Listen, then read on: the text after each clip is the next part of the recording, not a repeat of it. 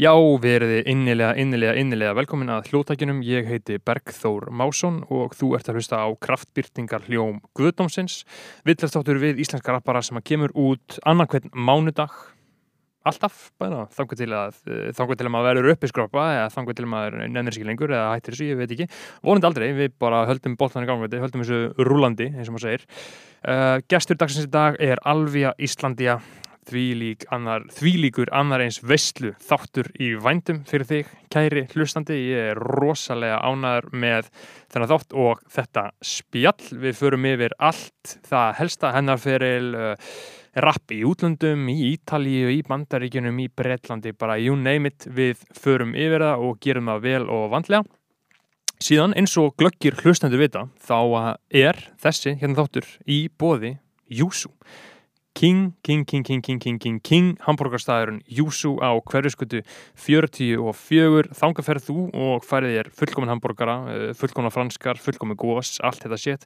Þú lappar inn á fucking nice, ógeðslega nice stað falleg hönnun, allt þetta, gott rapp í gangi við erum að tala um það, þú veist, það er allt bara frá Ghostface Killa upp í Soulja Boy niður í Young Nico Drippin, niður í sko, niður í Haka, niður í Flóna niður í bara allt þetta, alla þessa vestli sem að þú vilt hlusta á, á meðan þú ert að borða hambúrgarinn uh, þannig að þú getur farið þangað. Fengið til dæmis hátægist tilbúð, það er 1990 kall hambúrgari, franskar og Yuzu Mayo. Það er alltaf með borgar að mána eins og núna þegar þessi áttu kemur út í februar þá er það Buffalo Chicken Sandwich sem er auðvitað fokkin episkur síðan getur líka fengið er ógeðslega góðan uh, veganborgara besta veganborgara sem að til er á uh, í Reykjavík, allan sem ég hef smakað ég, ég fakta það, ég myndi ekki vera ljúaði Ég mælu með því, kærljósandi, að þú farir á Júsú á hverjaskötu 44 og gerir glæðan dag uh, nýtu lífsins að því að lífið er fínt og lífið er uh, þessi verðið að njóta.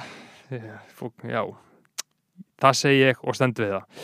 Júsú og kraftbyrtingar hljómur Guðdónsis, farsælt samstarf alveg frá því byrjun meirinn ár við stöndum saman gegnum súrt og sætt. Þau rúla með okkur, við rúlum með þeim þetta bara við keirum þetta áfram. En já, Ég ætla ekki að hafa þetta mikið lengra, uh, þið getið haft sambandið mig, ef það er eitthvað varandi þáttinn, hvað, hvað sem er, bara á Facebook eða Instagram eða Twitter, fyrir mig þar, Bergþór Másson.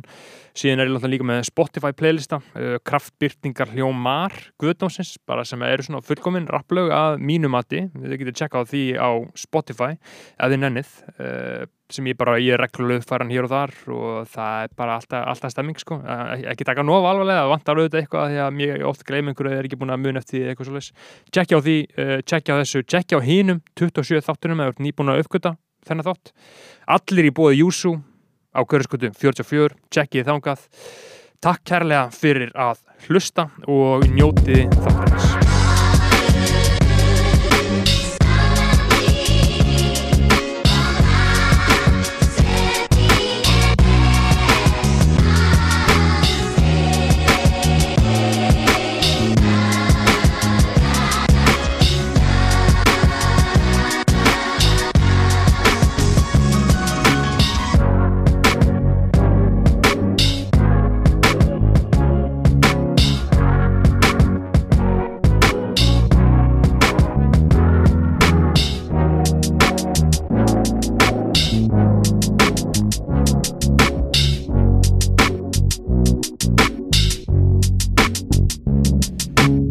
Komið sæl og blessuð, eh, velkomin í Kraftbyrtingar hljóum Guðdómsins og Alvija Íslandia, verðtu innilega velkomin. Takk.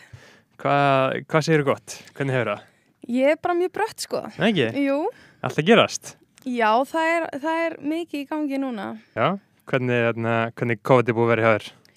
Bara rosa eitthvað neginn Þú veist, ég er svona kannski ekkert mikið búin að finna fyrir því að sé í gangi, sko. Nei, einmitt. Þú veist, ég er bara búin að vera skrifa rosalega mikið Mhm. og, og þú veist, ég er búin að, já, í rauninni hafði ekkert mikil áhrif fyrir utan alltaf bara tónleika hald og svoleiðis Akkurat. áhrif á mig, sko. Einmitt. Þannig ég ákvað bara svona nýta tíman og, og hérna, þú veist, klára að vinna lögin sem að vinna við betur og, Mhm. og hérna, og semja og svona, já. Einmitt. Ég fæ svolítið uh, þá tilfinningu frá þér, bara frá því að hlusta tónlistina á myndbönd, að þú byrð kannski smá í þínu megin heimi. Já, Getur það, er, það er eitthvað til í því, sko. Já, það. Já. Hvernig, meina, hver, hvernig er þessi heimur?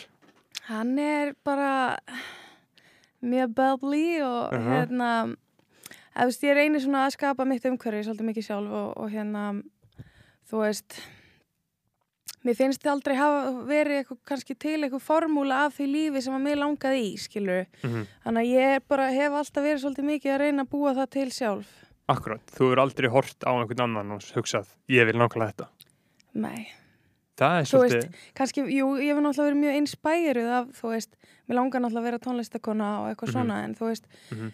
bara svona að sníða mitt daglega líf líka svolítið svona, þú veist Mhm. út frá því, sko já. Og, og hvernig, hvernig er þitt daglega líf? Þú tekur ykkur gegnum einn dag Uh, ég meina náttúrulega núna í COVID-inu er þetta búið að vera náttúrulega, þú veist mm. Auðvitað er það búið að hafa áhrif en, en þú veist, ég reynir bara þú veist, ég reyna að skrifa á hverjum degi, þú veist, Mm. vakna og, og hérna fara út og reyfa mig og þú Mhm. veist ég hlusta rosalega mikið á tónlist þú veist, ég hlusta bara á tónlist allan daginn sko, ég Mhm. elska að hlusta á tónlist og ég elska hlusta á nýja tónlist þú veist, þannig ég er alltaf að leita á öllum, Mhm. þú veist, svona nýjum playlistum og eitthvað svona Einmitt. og veist, þannig að já, ég hlusta mjög mikið á tónlist Og ég meina, ferðu það bara gegnum Spotify eða hvernig, hvernig þetta já, vinna? þú veist, ég er búin að vera að nota Spotify mjög mikið núna sko Mm og hérna, þú veist, ég var mjög lengi ekki einhvern veginn að nota það sko en Já. ég er alveg komin inn í það núna og er að búið til playlista og svona mm.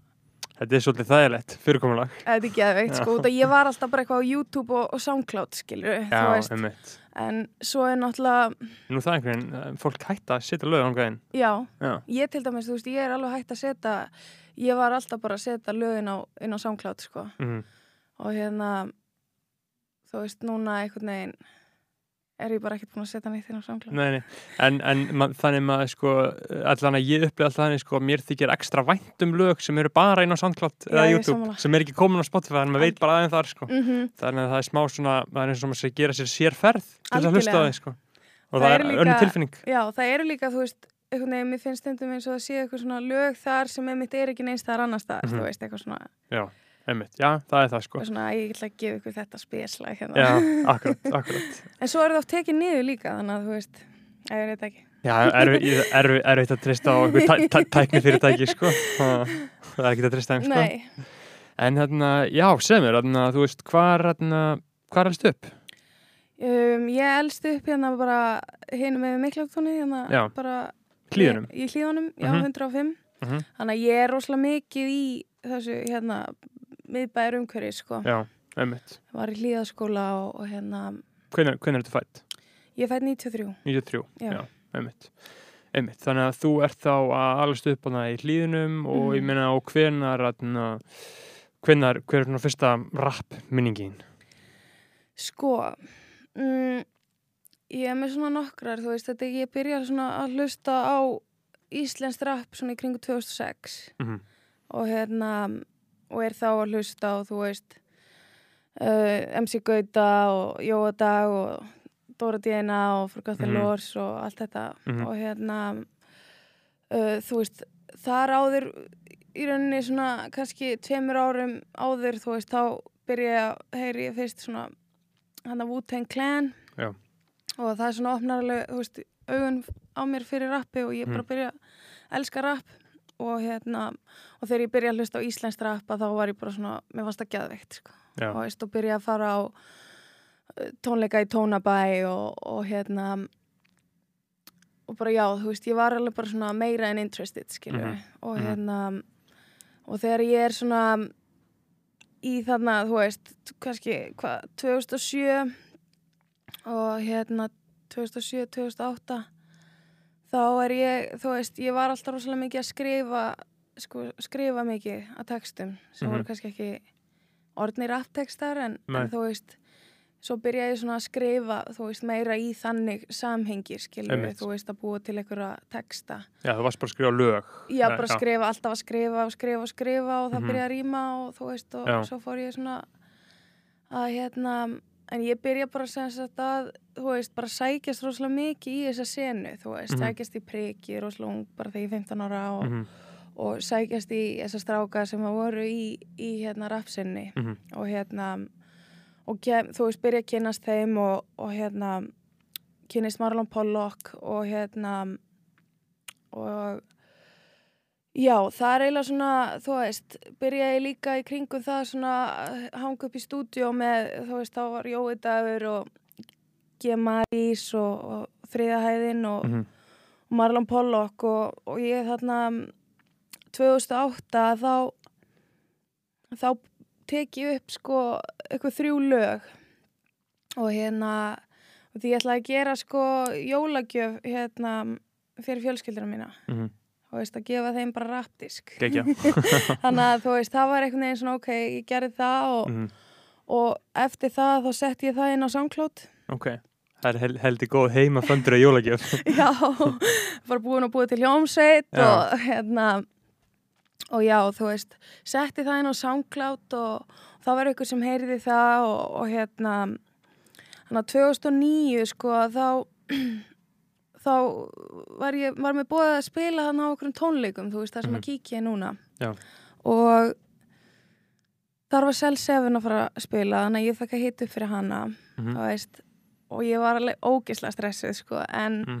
það var bara eitthvað svona þú veist, mér fannst bara geðveikt að koma fram Já. og ég bara, einhvern veginn eftir það þú veist, þá var ég bara, shit, ég var að gera þetta Mm. Og þannig ertu 15, 16 ára, já, já, 16, 15 9, að verða 16, já, Einmitt. 16 ára Ok, og þú þarna, uh, kemur þarna fram og farið bara tilfinningu bara hér og heima? Ég bara einhvern veginn, mér fannst þetta bara svona þú veist, það bara var sem, þú veist já, þetta var bara geðið, þú veist, ég var náttúrulega ég horfið bara niður allan tíman og en þú veist, þetta losaði eitthvað svona geðið mér fannst það bara, Já, já, einmitt. Og ok, það, það, það er gó- góður, sko, áhugaður vinkill á að koma inn í, að mér finnst þetta svo skemmt, skemmtilega þetta 2006, 7, 8, íslensk, íslensk var, sko. já Uh, áður en það varð uh, eitthvað mainstream Já. cool, sko, þetta var nafnilega, þetta var ekki cool Nei, þannig sko er það nokkuð? Nei, og þú veist, ég var bara, þú veist, einhvern veginn, já, þetta, var- nei, þetta var ekki inn þarna, Mhm. sko. Og hvað hva, hva fannst, þú veist, uh, hvað fannst krökkunum í hlýðaskóla um þetta? Sko, ég raunni, þú veist, svolítið, var, var svolítið svona vandra úlingur, sko, Mhm. þannig að þegar ég er svona 14 ára, svona 2005, þú Mhm. veist, já, svona 2005 eða eitthvað svo leiðis, 2005, 2006, þú veist, að þá, þú veist, ég er svona einhvern veginn flosna svolítið upp úr bara öllu félagslífunni með krökkunum Já. sem að ég var með í skóla Mhm. og þú veist, byrja svona að hanga með eldri krökkum, þú veist, eldri strákunum í skólanum og, og bara krökkum annar staðar og Mhm. bara, þú veist, og hérna, og já, þannig að ég bara einhvern veginn svona missi öll tengsl við þau. Ég flyt líka Já. heimann 15 ára veist, og flyt inn með, með Marlon sko Mhm. og hérna, hann var nú tölvöld eldri en ég en þú veist, mér ást það bara geðveikt skilur, Já. það var bara, þú veist, ég gæti bara verið að rappa og Mhm. bara hanga upp í stúdíó og, og hérna já, þannig að þú veist, ég var þetta var einhvern veginn svona ég var ekkert að sósita með krökkunum Nei. í skólanum sko. Einmitt. Akkurat þarna þá hefur einmitt svona 2007 þá kom sko Marlon í grunnskólan minn og að rapp námskið. Já, í Tvö- 2007 þá kom hann í Vesturbæðaskóla uh, og að rapp námskið. Já. Og paldi, það getur verið ástæðan fyrir því að við sitjum hérna tvö. er nákvæmlega ágríns, hann inspæraði okkur bæði Einmitt, það er ekki hægt að vita sko. Kom að kenda okkur eitthvað jólasveina rapp þetta var fyrir eitthvað jólaleikrit Já, ok, sko. ég man eftir þessu, ég gæti vel verið sko, ég, við hefum búið saman á þeim tíma sko. Já, það er heldur gott Já. uh, sko, þarna og síðan, ég meina, þarna ertu komin uh, 2008-2009 og þú ert að elska þetta og meina, mm. hvað ert að hlusta á? Hvað, hvað eru sko áhrifin? Uh, hvaðan eru þau að koma? Meina, er þetta bara rapp, er þetta eitthvað annað líka? Og er þetta uppgöðuð á netinu? Þarna náttúrulega er maður ekki komið endilega með snjálfsíma Nei, ég var ós að seina að fá snjálfsíma sko. mm -hmm. og veist, og hérna um, svona, já, hvað var, varst að tala um hana? 2009, já, eitthvað um það. Þú veist, ég var rosalega mikið bara þú veist, ég var rosalega influensu líka á þessum tíma af raftónlist. Mm og hérna veist, ég elst mikið upp í kringum rock og veist, pappi minn algjör rockari Mhm. og, og hérna tónlistamæður sjálfur en síðan fer ég mitt yfir í rappið og, og þú veist, og ég elska líka bara, veist, beat Mhm. góð beat og, og góðan takt og svona Mhm. og þú veist þannig að fyrsta sem að ég tónlistin sem ég byrja að gera og svolítið svona fram eftir er svolítið svona ekki þetta basic hip-hop beat Nei. eða rap beat, þetta er Mhm. rosalega svona elektrónist Mhm. hérna experimental dæmi sko Já. Og þú veist ég hérna náttúrulega sko var líka bara ég nefndar byrja að hlusta á 50 Cent þegar ég var svona var hana í nýjunda og tíundu vekk Mhm. og ég var alltaf að horfa á þarna Get Rich og Die Trying myndina, þú veist, Já. ég horfði bara á hana einu svona dag, sko, alveg geðveik Mhm. og hérna þú veist, ég var mikið að hlusta á þú veist, Soulja Boy Mhm. Missy Elliott og hérna, þú veist, Lil Wayne og eitthvað svona Mhm. og hérna En Hva, hva, hvernig varstu uppgötið það? um, Á internetinu eða? já, þú veist, ég meina það var náttúrulega til YouTube Já, veist, svo, svolítið svona vanþróað YouTube. vanþróa Já. YouTube en líka bara, þú veist, að fólkin í kringum mig kannski Já, hvað já. það var að hlusta á, þú veist Mhm, ég man ekki, þú veist, maður var með iTunes mhm. jú, þú veist, ég var Lime, að downloada og eitthvað. ég var alltaf að downloada líka bara, þú veist inn á iPodin, skilur, Mhm. af iTunes og eitthvað svoleiðis Mhm. uh, já, inn á iTunes Mhm. og hérna en ég hlusta rosalega mikið samt á YouTube fannst mér á þessum tíma, sko þú veist eins og á 50 Cent og, Mhm. veist, Mhm. Einmitt. og Missy Elliott og þetta dót, sko Einmitt. Og bíómyndir, 50 cent bíómyndir. Mér, mér er svo magna sko, bíómyndir geta spila svo rosalegt hlutverk í einhverju svona, sko. algjörlega, ég, það er algjörlega málið, sko Það geta alveg glift mann, sko. Mhm. Bara að fólk sér eitt mæl í fyrsta skiptið eða eitthvað svolítið, sko. Ég er sko, 50 cent bíómyndin, þarna, Mhm. ég var í New York, hún sko tekin upp sko í Harlem já, Eh, ok, og ég var í svona New York og var í svona uh, hip-hop túr um sagt Bronx og New York og Harlem og allt það. Ok. Að- bara í fyrra haust sko, algjör, Ok. algjör snild og þarna, við vorum í svona túr uh, túrbíl og það Mhm. var að vera að spila senur úr 50 cent myndinni. Og, og vorum að horfa út um gluggan hvað hva, hva er þetta alltaf tekið upp sko vá, ég var gæð til ég að fara í þetta, sko. ja, þetta, var, þetta var bara æðislegt sko. ég bara, ég elska 50 Já. Cent, sko. Já, þetta var alveg magna og náttúrulega út af því að sem þessu áhverð sko að öll þessi mynd er tekin upp í þarna, hún er tekin upp í Harlem en hann, en hann er frá Queens mm en hann var alltaf skotin nýju sinum í Queens þannig að hann gæti ekki endilega verið þar sko. ok, Var- var talað um, já, sko. þannig að þú veist, þetta, þetta er eins og við varum að horfa á ég veit það ekki, uh, mynd um herra netusmjör og hún var alltaf tekin upp í Garðabænum en ekki í Kópavóinu nei, nákvæmlega sko. nei, nákvæmlega. En, En- þú veist, hann er mitt, þú veist, hann er örgulega búin að mála sig út í hotni alveg nokkrum hverfum, sko. Já, já, hann, hann er búli sko. hann er búli, þú veist. Og ég var einmitt að horfa á eitthvað horfa á eitthvað viðtali gær hann að við einn, einn hann sem var með honum í G-Unit, sko. Mhm. það var alveg bara, var bara mjög erfitt að horfa á það sko, það, þú veist, hann alveg bara búin að rústa þessum gaur sko. Þú veist, bara eiðilega fyrirlans og hann bara, Mhm. þú veist, bara út af einhverju fáranlegu dóti, sko, Mhm. þú veist, maður er bara shit. heldilegur sko. Já, en Já. samt, þú veist, ég, þú veist, hann er samt eitthvað svo, að ég veit það ekki, ég fæ smá svona bubba-feeling með 50 Cent. Eða skilur, hann, mér finnst hann stundum segja eitthvað svona, Mhm. sem er bara svona meikar enga sens, en, þú veist, en hann getur sagt það út í hann er 50 Cent. Já, leiður um að slæta Já, já, ég, ég, ég, skil hvað að meina sko.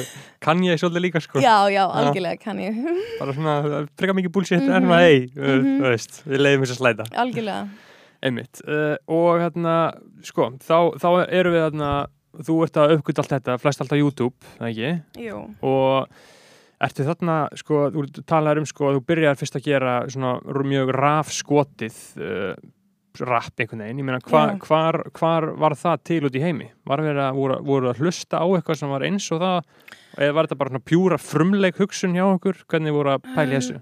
sko þetta var svolítið bara þú veist að hérna, þú veist, ég byrjaði að gera tónlist með Marlon Pollock Mhm. og hann er þú veist, er rosa mikið inn í raftónlistasinni og, og hérna gerir þannig bít rosa mikið þú veist, þannig að ég var bara mjög inspærið af því, þú veist ég er líka bara mjög inspærið af öllu íslensku rappi sem ég hafi hlustað á fram til þessa, skilur, en náttúrulega bara þú veist, önnu nálgun, skilur, ég er kannski ekki að rappa um það sama strákanir og þú Nei. veist, ég var rosalega svona uh, mikið að spá í svona alls konar spiritual dóti á þessum tíma og Mhm. svona rosa andleg og, og hérna og textandi mínu voru svolítið mikið svona bara, þú veist, eins og ég væri bara okkur sveppatrippi, sko. Mhm. um, og síðan þú veist, eftir það þá byrjaði ég svolítið að vinna þarna með Frika Fríkor mhm, sem var í KSF og hann hérna hann er náttúrulega líka mjög svona elektrónískur og Já. gerir þannig tónlist. Þannig að þú veist, lengi var ég bara svona svolítið að vinna með þannig beat, mhm, þú veist. En mér langa, þú veist, ég var alltaf svona veist, ég er búin að spurja sko, mjög marga, þú veist, byggja mjög marga um beat, skilur og Mhm. hérna, þú veist ég var einhvern veginn aldrei hrætt við það en bara mér langaði bara að að gera tónlist og ég var bara, þú veist, kannski vissi ekki alveg hvernig ég ætti að gera það, skilur, Já, þú veist, þannig að ég bara svona einhvern veginn þú veist, ég er búin að koma mig mjög vel fyrir núna, skilur en Mhm. þú veist, það var ekkert kannski þannig þegar ég byrjaði, sko já, það var erfitt að finna það einhver var sem ok, verið veist, með. já, já, Já, og líka bara, þú veist ég meina, ég var ekkert eitthvað, þú veist ef fattur mér maður er kannski að senda message á eitthvað lið sem er bara relevant í tónlistasinn og eitthvað svona og þá vissi ekkert hver ég var skilur, Einmitt. var ekkert eitthvað, herðu ég á geð, þú veist akkurat. ég átti enga pening, þú veist, ég var bara með, má ég ekki koma, skilur Mhm, Já, já, veist, ég til að gera lag með mig Já, hæ. Já, þurftir svona, svona einhvern veginn að sanna því aðeins fyrst. já, Mhm. já, En þú talar um þarna að þú, veist, að þá að hugsa um pæli í öðrum hlutum en strákanir. Uh, þarna var náttúrulega bara Cell 7, KFK, Já, rappari, já. eða ekki? jú Hún var hún var ekki aktív á þessum tíma, Nei. sko þú veist nei, hún var Hún- ekki aktív á þessum tíma, sko Hún kemur ekki fyrir en 2013, aftur, Já, með plötu. nákvæmlega. Og þessi fyrstu tónleikar sem ég heita og þú veist, þetta var bara eitthvað svona, þú veist, örglega ykkur styrta tónleikar eða eitthvað, Mm en þetta var allavega, þú veist, já, hún kom bara og performaði. Bara svona one-off dæmi. Já, já. Mhm. Og þú veist, einmitt, það var, nei, þú veist, ég man ekki eftir að það hafi verið eitthvað svona, Mhm. þú veist, eitthvað stelpa að rappa á þessum tíma, sko. Og ég man eftir síðan hann að 2011 um það leiti, 2011, 2012, að þá hérna, þá var eitthvað svona, haldið eitthvað stelpur af kvöld á hérna, hérna okkur stanir í bæ Mhm. og þá var ég að hérna headlina það og þá voru fyllt af einhverjum stelpum að fara með ljóð og eitthvað svona alls konar dótur í og þar var alltaf stelpunar sem eru núna í Reykjavík veist, en þá voru þær ekki orðna hljómsveit sko. og veist, þá var einhverjum þar að fara með ljóð og, og einhverjum kannski einhverjum tvær saman og svona og, og síðan þú veist var alltaf svona grúpa inn á Facebook Mhm.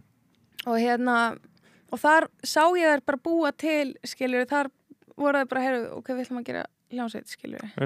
Þú fylgdist með þessi in real time. Já. já, og longaði þið ekkert að vera með í hljómsveitinu? eða? uh, mér var nú bóðið að vera með sko Já. en ég bara, þú veist, ég var bara einhvern veginn, var að stefna annað skilur, mér fannst bara, þú veist ég var bara búin að hafa svo mikið brennandi áhuga á þessu, þú veist síðan að ég var bara krakki Já, skilur og og, hérna og þú veist, og mér langaði eiginlega bara að vera sóló Akkurat. þú veist, gera mitt Akkurat, Þannig akkurat. Einmitt. Og síðas, síðan hérna, uh, þegar maður svona skoðar slóðin á netinu, þá fyrsta sem kemur upp er hérna svona 2014, já, þegar spilar Solstis. mm Passa það? já, það passar Eru þá svona, og þá ertu búin að gefa eitthvað út? Þá Sko. á SoundCloud eða? Já, ég gaf það svo mikið út, eða, veist, ég gaf út á SoundCloud, veist, en ég var svona svolítið, veist, má kannski taka upp, Mm svo var ég bara geggja spennt, bara, þú veist, bara setja þetta strax á netið, Mhm. skilur, Já. þú veist, gæðin voru ekkert gæðveik í því sem ég var að gera, Mhm. en síðan hann að einmitt spila ég á Solstis og þú veist, var í rauninni bara að taka saman einhver svona lög sem ég var bara að vera að gera frá því að ég var Mhm. hann frá því 2006 um, síðan byrjaði ég þannig einmitt að vinna með frikka og, og hérna og gerir henni, ger ekki fyrsta vídeo mitt fyrir hann sko þarna einmitt 2014 Mhm. og, og það var við lagi sjúkarkomplex og Mhm. hérna en þú veist, það var svona svolítið feelingur, þú veist, ég var alltaf með langa alltaf gætt að gera plötu og þú Mhm. veist, en ég bara vissi ekki alveg hvernig ég ætti að gera það Einmitt. og hérna um, svo flyt ég sér til Danmörkur hérna 2015 eða eitthvað svo leiðis Mhm. og linkaði upp með Herman Britte, þú veist, ég þekkti hann að strákan í Seits og Reykjavík mm -hmm. og hérna og þá byrja ég að vinna hann á Bubblegum Bits plötunni mm. og þú veist þá einhvern veginn var það bara svona ferðalag, þú veist að ég bara þurfti bara að finna út úr því og, og mm -hmm. hérna og við gerðum þessa plötu bara tvö saman og reyndar bít frá Martini líka mm -hmm. og hérna þú veist, ég var alveg búin að vita af Martini sko þannig frá svona 2000 og 13-14 langaði alltaf mjög mikið að vinna með honum sko. mm -hmm. og hérna já, ég er að fara svolítið út um allt alltaf en já, ég fæ kannski svona fyrsta recognitionið, skiljur, eitthvað svona almenlega þannig að Mm. þú veist að spila á Solstis Já, tvö- 2014 2014, já, og þá er náttúrulega rapp búið að breytast Eh, gjörsamlega. frá því 2010, 11 eða, Já. eða hvað sem er Já. menn hann er 2014, hann er svona mikil ólga, eða ekki? Ah, Þannig er bara klálega. Gísli, Úlur, Úlur og Gauti og það er einhvern veginn alltaf og Reykjavík þetta er alltaf Já, gerast allt sko. gerast sko. Og hvernig, þarna, hvernig, hvernig hugsaði þú svona um sjálfa þig sem þáttakanda í því? Varstu að hugsa svona að þetta flott, mér langar að vera með í þessu eða varstu bara einhvern veginn vildi bara gera þitt og varstu ekkert mikið að spá í eða hvernig varstu að pæla þetta? um, ég var ekkert eitthvað svona að þú veist mikið að spáði en ég var svona, þú veist, rosalega mikið mér langaði rosalega mikið að svona, þú veist, ná að gera eitthvað svona, ok, þú veist, þetta er það sem ég er að gera út af því mér fannst ég búin að vera svona svolítið út um allt með dótið mitt, skilur Já. þú veist, og ekkert búin að gera neitt eitthvað svona, þú veist, mér langaði að fara með productionið að næsta Akkurat, skilur, þú veist, akkurat. gera eitthvað almennlegt project og, Mm og hérna og það er einhvern veginn þú veist, já, umhverfi voru gjörsanlega búið að breytast, þú veist, allt í hennu var þetta orði þú veist, Mhm. cool og, og vinsælt og þú veist, maður var ekki bara eitthvað svona Varstu ekki skrítin eitthvað rappa, skilur jú, nákvæmlega þannig að hérna en þá einhvern veginn þú veist, var það bara ennþá meira peð fyrir mig líka bara, herru, þú veist, nú gerir við bara Mhm. þú veist, plötu og, og hérna og ég gerði það þessa Bubblegum Bitch plötu og, og þú veist, það var Mhm. bara algjör skóli að læra það, Einmitt. ógeðslega gaman að hérna, þú veist, bara fyrir að finna út úr þessu og svo, þú veist, taka þetta upp og Mhm. þú veist síðan, þú veist, búa til bara plötu cover og, og Mhm. hérna láta framleiða þetta og síðan var ég allt í einu bara þarna, þú veist komin með plötuna og komin með fulla kassa af einhverjum, einhverjum CDs og Já, þá var ég bara- physical Já, Já. býtu, þú veist, nú þarf ég að koma þessu út, skilur við. En ég var rosa heppin, þú veist, ég er búin að vera rosalega, fá mikið í gegnum Secret Solstice upp á það að hérna, þú veist, vera recognize eins og af Dazed and Confused og, og þeir, hérna, þeir svona publisu plötuna mín á samklátinu sínu ok þegar hún kom út. Og hérna, og já, þú veist, ég, hérna, spilaði hana fyrst í, í hérna, í Kaupmannahöfn Mhm.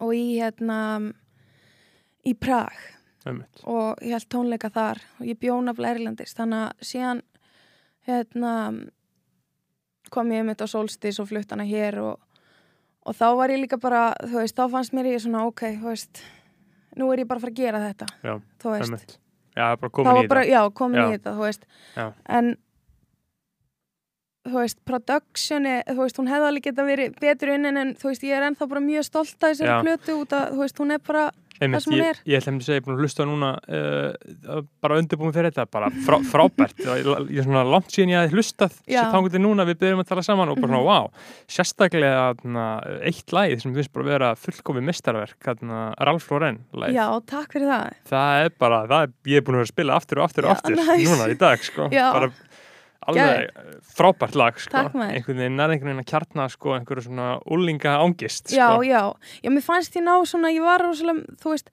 var, þá var svolítið mikið svona, ég mitt að bara svona opna mig persónlega, Mhm. skilur, Já. þú veist, ekki bara tala um eitthvað álfa og eitthvað, Já, þú veist, eins og ég svona var kannski að gera svolítið mikið fyrst. Mhm, og hérna, og það var líka bara svo mikið release og, þú veist, bara svona tilfinningarlega, þú veist, Mhm. ég bara náði að komast yfir fullt af hlutum einhvern veginn inn í mér og, og, já, ég Eh. væri alveg til í að sko taka þessa plötu og endur mixana skilur og gera þú veist, soundið feitt og Mhm. svo leiðis var hún ekki eins svona full mixuð og vildir?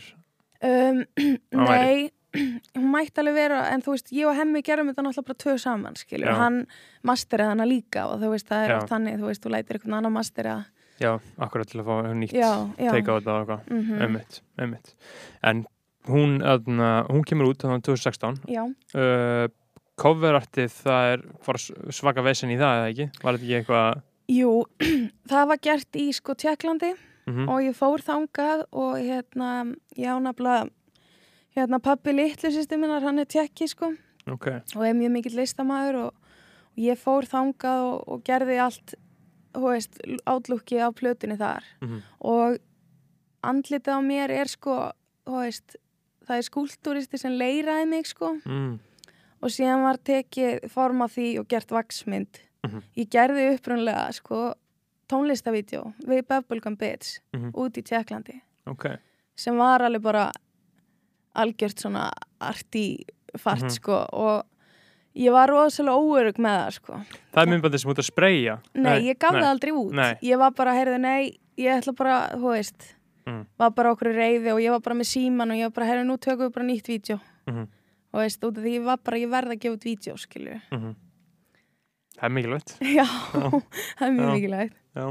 Uh, og hvenar, hún kemur út, kemur hún út í byrjun árs 2016 eða? Já, ég sett hana, sko, þetta var svona smá vesen, sko, veist, hún kom í rauninu á SoundCloud öruglega 2015. Mhm. En síðan gaf ég hann út á Spotify 2016.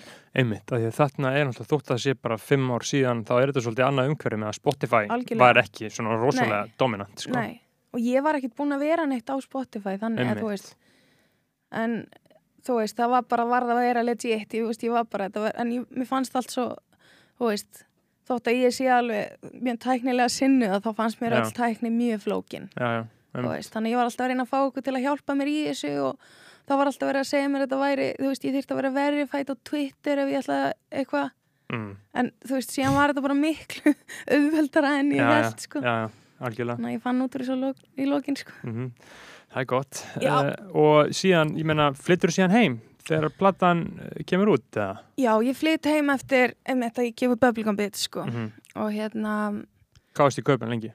Ég var í eitt og halvt ár, ég er búin að vera svolítið mikið svona á flakki fram og tilbaka sko Já, hvað varst, til að gera er í kaupin? ég, ég var bara eitthvað að vinna og bara, þú veist, ég er bara rosalega bara ef ég er ofur lengi á einum staða þá verð ég bara geðvik sko Já, já. og, veist, og ég fæ bara flugið sem bara ég verð að fara ja. Mm fer ég bara, Það er gott. það er mjög gott sko Mm og þá flutti ég einmitt inn sko með Völu Krank sko, Helga Já. Völu Og hérna- Í kaupin? nei, þegar ég kom Já, heim komst heim, já, já. Já. já. við hefum kynst á prikinu, ég var að vinna þar Mhm. Mhm. og hérna já, það var Einmitt. Og það þá, þá byrjar gum-gum með? já, Gum Gum Clan, ég samt, þú veist, þegar ég gaf út Bubblegum Bits, Mm að þá, þú veist þurfti að vera eitthvað rekordleikbúl Já, og þá bjóð ég til Gum Gum Clan Já. sko. einmitt. Einmitt. Og flyttur heim og þá farið þið að gera tónlist saman, eða hvernig? já, og hún verður allavega, þú veist, byrja er, verður hérna, maður main hype, hype bitch og Mhm. hérna er alltaf með mér á tónleikum og, og hérna Mhm. svo leis og, og þú veist, hún er að skrifa geða eitthvað texta sjálf og, Mm og mér langaði að þetta þú veist, gefa eitthvað út með henni og, veist, og hérna og þegar ég er að vinna í elegant hóplötinu minni þá byrjum við að vinna í efni með henni Mhm. og hérna já, gáðan það síðan út Mhm. en ég væri líka, þú veist, til í að að hérna reprodúsa það og, og mixa það sko, mastera það út af, þú veist, það var alveg veist, eins og hann að æ, hvað heitir eftir lagið maður, akkur data út í mér. Um, Bad Boys Bitches Blaze. Já, já, það var alveg, þú veist, það er geðið lag. Já, það þarf bara að það þarf bara að mastera það upp á nýtt. Sko. Mm og við erum, við erum með það í plönunum sko. Ég stið alla, allt svoleið, sko, að bara svona, því ég meina, það þarf að hugsa þetta, þetta sé til í Algjörlega. 20 ár, sko. algjörlega. Og þú veist þetta mm, eins og allir sko 2000 rapparar Mhm. sem að voru með bara rottvælegur afkomi guðuna og mm. allir þessi göra, þeir eru ekki masterina eða þú veist, þetta, þetta er ekki til og þeir get ekki gert þetta, nei, sem er rosalega sorglegt sko. Sem er rosalega leðrætt sko. Ég mitt var rosalega ég hugsa allt öðruvís í dag. Já, þú veist, ég bara mhm, þú veist, ég núna það sem ég er með núna þú veist, ég er búin að setja það sem ég er að fara að gefa út á þess ári mhm, í byrjun þess árs, er, er það sem ég er búin að setja á í tveim, tvö ár sko. ok, frábært. Og, veist, og soundið er bara allt Mhm. annað þú veist, Einmitt. það er bara líka, þú veist Jói Redd er að er að, þú veist, mastera sko, það þannig að veist, það er náttúrulega bara annar level sko. já, algjörlega, algjörlega einmitt, og þið búið á það saman, ég man alltaf uh, uh, þið röppuðu bæði, röppuðu báðar á hérna, gæla megamixinu Já, það, það, það var skemmtilegt sko var mjög skemmtilegt. góð, góð vers sko Já, Sér, sérstaklega man versið hennar völu sko, Mhm. það var heldur var gott mjög sko. gott, sko. Já. Hún er nefnilega, hún er með ógislega skemmtilega texta og, Já. og hérna, veist, ég hef ofta átt eitthvað svona vinkunur sem hafa langað Mhm. að rappa og eitthvað svo leiðis, þú veist, og, þú veist, alltaf verið til í að hjá- hjálpa þeim að gera það, sko, Mhm. en hérna, en Valan var bara alveg með þetta, sko, veist, það var bara geðveikt, Mhm. það þarf náttúrulega það þarf svo mikið kjark til þess Já. að byrja að rappa algjörlega, það eru svo margir sk Mhm. skúfu MCs alveg sko. bara gomma, sko. Það er rosalega þarft og margir mjög góðir sko, og, þú veist, og, og spreyjararnir skilur, hérna, graffararnir þú veist, það er alveg nokkri þar sem eru bara my favorite MCs sko. Svo Steppi Dímon hann er bara rosalegur Mhm, mhm. Hefur aldrei gefið henni út, aldrei, Aldrei, aldrei. Hann er kannski tekið eitthvað upp en það hefur ekki heyrst sko. nei, einmitt, einmitt. Já, og síðan ertu komið til Íslands? Spil, spil út um allt eða ekki?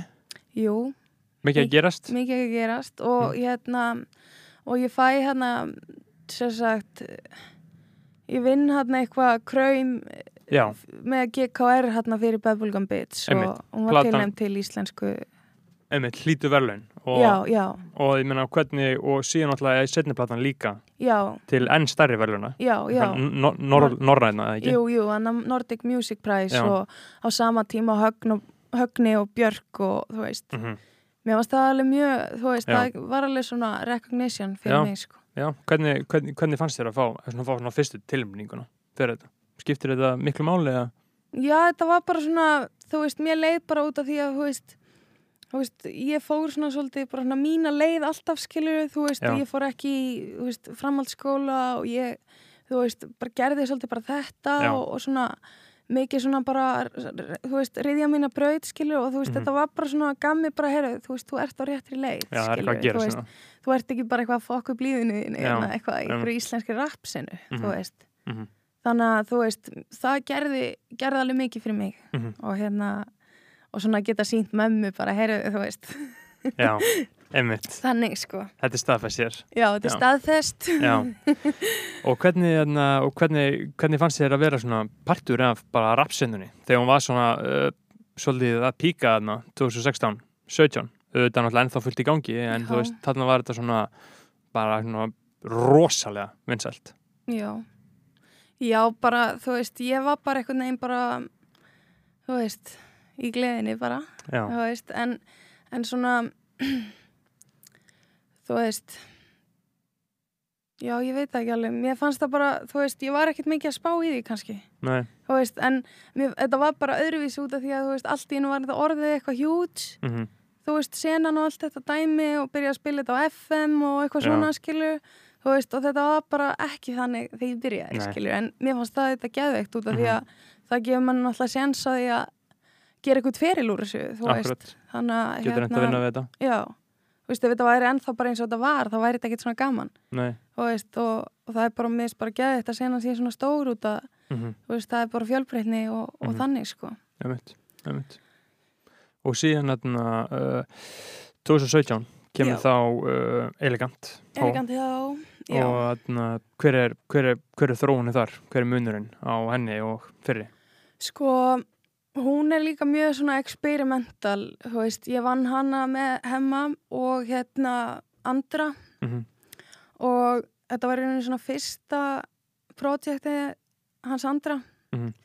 og hérna, þú veist, hún var mjög svona, þú veist, og var svona mjög poppuð einhvern veginn og Já. þú veist, um, ég var svolítið fljóta á mér með hana ok þú veist, ég var bara einhvern veginn langaði bara að gefa út aftur og bara, þú veist mm og var alveg með, þú veist en ég hefði alveg verið til í að vinna hana eins betur, sko. -hmm. þú veist, út af því ég var bara, nei, við verðum að gefa þetta út ég verði að gefa þetta út, veist, ég Já. varði ekkert að gefa þetta út mér eru oft liðið eins og að sé eitthvað svona pressa bara, veist, að Já. verða að gefa eitthvað út Mhm. en, þú veist, og Gísli er búin að hjálpa mér mjög mikið með það að bara, hei, þú veist það er, er ekkert stress. Já. þú veist, þú verður bara að gera þetta vel. Mhm. ég hef heyrt það frá svona svolítið mörgum áttum að einmitt Gísli Pálmi já, er svolítið með þessa filosófíu að algjörlega.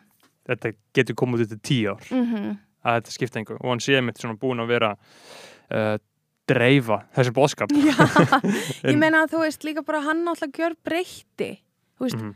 ég myndi eins og bara maður talar um skilur, þú veist að Erlendur appi bara, þú veist, fyrir og eftir 2000 skilur, Mhm. Já. hann náttúrulega bara Já. þetta er bara annað sound mhm. þú veist, hérna, það finnst mér bara veist, það er bara fyrir og eftir skilur, Já, já. það er bara hann gjör breytti sinni hérna líka sko 100% og, það, og, hann, og hann svona endanlega gerði það þarna 2015 þegar Já. hann gaf upp plötuna það er svo, það er svo gott viðtal við hann í kastlósinu á prikinu frá Já. 2011 það sem hann er að segja að vanti Hollywood í Já, ég mani Já. því, algjörlega það þurfi meiri glamúr og svo gott hann notaði sko frasan að það voru gaurar hrúast og nokkurn annan Já, já, já. Og ég minna og síðan bara gerist það. Mm fimm ára setna algjörlega. Sko ég kynntist honum þú veist þannig að þegar hann var að gera þeir voru að gera hann eitthvað græm vík hann kom ykkur græm þeir voru að gera hann græm víkli já, svona 2000 og- 2011 eða eitthvað svo leis og hérna þú veist svo var ég mitt að já algjörlega en hérna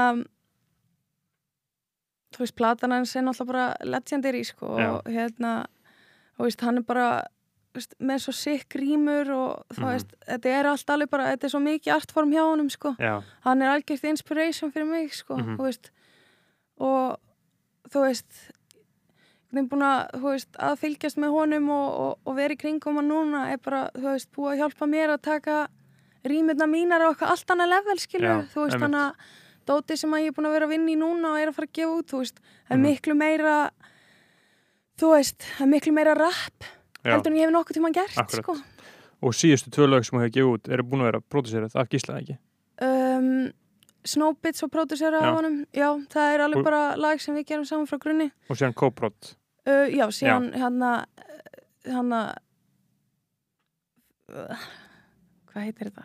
Pistol Pony Pistol Pony já, maður já, já, það átti alltaf sko, ég var alltaf bara með Pistol Pony ég ætlaði að gera, eftir Elegant Tó ætlaði Mhm. ég að gera Pistol Pony plötu Mhm. einmitt en þú veist, einmitt þá líka bara þú veist, var ég bara, herru, ég þarf aðeins núna bara að Mhm. þú veist eh, bara gefa mig tíma í þetta og, og hérna veist, ég er nokkru sem er búin að koma með bara due date, bara herru, nei, núna kemur þetta út þarna, þú veist Mhm. ætlaði að gefa þetta út fyrir jólin, ætlaði að gefa þetta út seinast árið, þú veist, Já. en það er bara þú veist, það er líka bara margt búið að vera þú veist, ég er búin að vera að gera alls konar annað og, Mhm. og bara svona þú veist, finna þetta sama og ég fann þegar ég var að gefa út Bubblegum Bits þú Já. veist, það var bara meant to be skilur, þú veist, það var bara eitthvað tilfinning í gangi hjá mér og, og þú veist og það var svo pjúr og mér langar að gera það aftur þú veist, nema Mhm. náttúrulega bara elevated skilur Já, að því að, einmitt, þú, ég, ég sé, þú ta talaði með viðtölum og þú hugsaði alltaf, hefur alltaf hugsað um þetta með þess bara 2018, fyrir Mhm. þreymur árum þá varst að tala um þetta að þú sæir þetta alltaf fyrir þessum svona þríleik þá Já, Bubblegum já. Bitch, Elegant Toe og síðan Pistol Pony já, og ákvæmst sem bara það, þú það, það kem, plata í mun ekki heita Pistol Pony, þú hætti nei, það nei, það er bara Já. þetta lag það er ekki bara fínt. Það er bara fínt maður. fínt að, líka svo rosalega samt, þú veist, núna einmitt með Pistol Pony, þetta lag. Þú veist, ég er búin að vera með þetta lag. Það er búin að fara í gegnum, þú veist, bítið og allt er búin að breytast, Jói tók það náttúrulega alveg í gegn. Mhm, og hérna þú veist, þetta vídeo, ég gerði það með loga.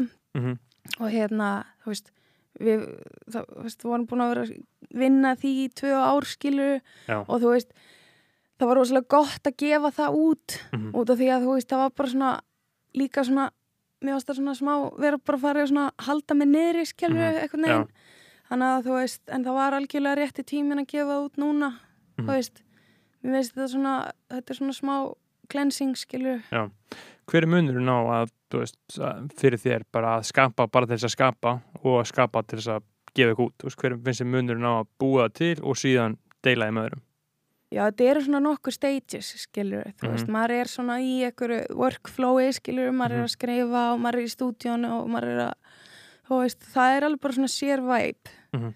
þú veist, og mér veist svona, þú veist, síðan fer maður yfir í þetta stage sem er, þú veist, að, þú veist, einmitt vera að gefa út og, og þetta dæmi, sko, og spila, þú veist, þetta er svona, þetta er ekki sama Sami veist, hlutinn nei, af þér sam, Nei, en þú veist, þetta er líka bara ekki sama svona bylgilengdi finnst mér alveg, skilju Þú veist, maður er svona aðeins í þú veist, á öðrum stað í hausnum, sko. Þú veist, þannig að þú veist, mér langar einmitt núna bara að, þú veist, mér langar rosalega mikið að taka líka bara tíma til að fá að skapa og vera í þeim gýr Já, og ég dróð mig svolítið út úr því núna senstu þú veist ára, hérna Mhm. senstu tvö ára vera eitthvað mikið að koma fram. Þú veist, og spila gamalt efni út af því mér Mhm. langaði bara svolítið að vera að finna eitthvað nýtt og, Mhm. og hérna já einmitt. mm og en þarna sko að, að gefa þetta svona út og deila þessu með fólki, Hva, hva, hvað færðu út af því? Þú veist, hvað er svona jákvæður hliðinar við það? um,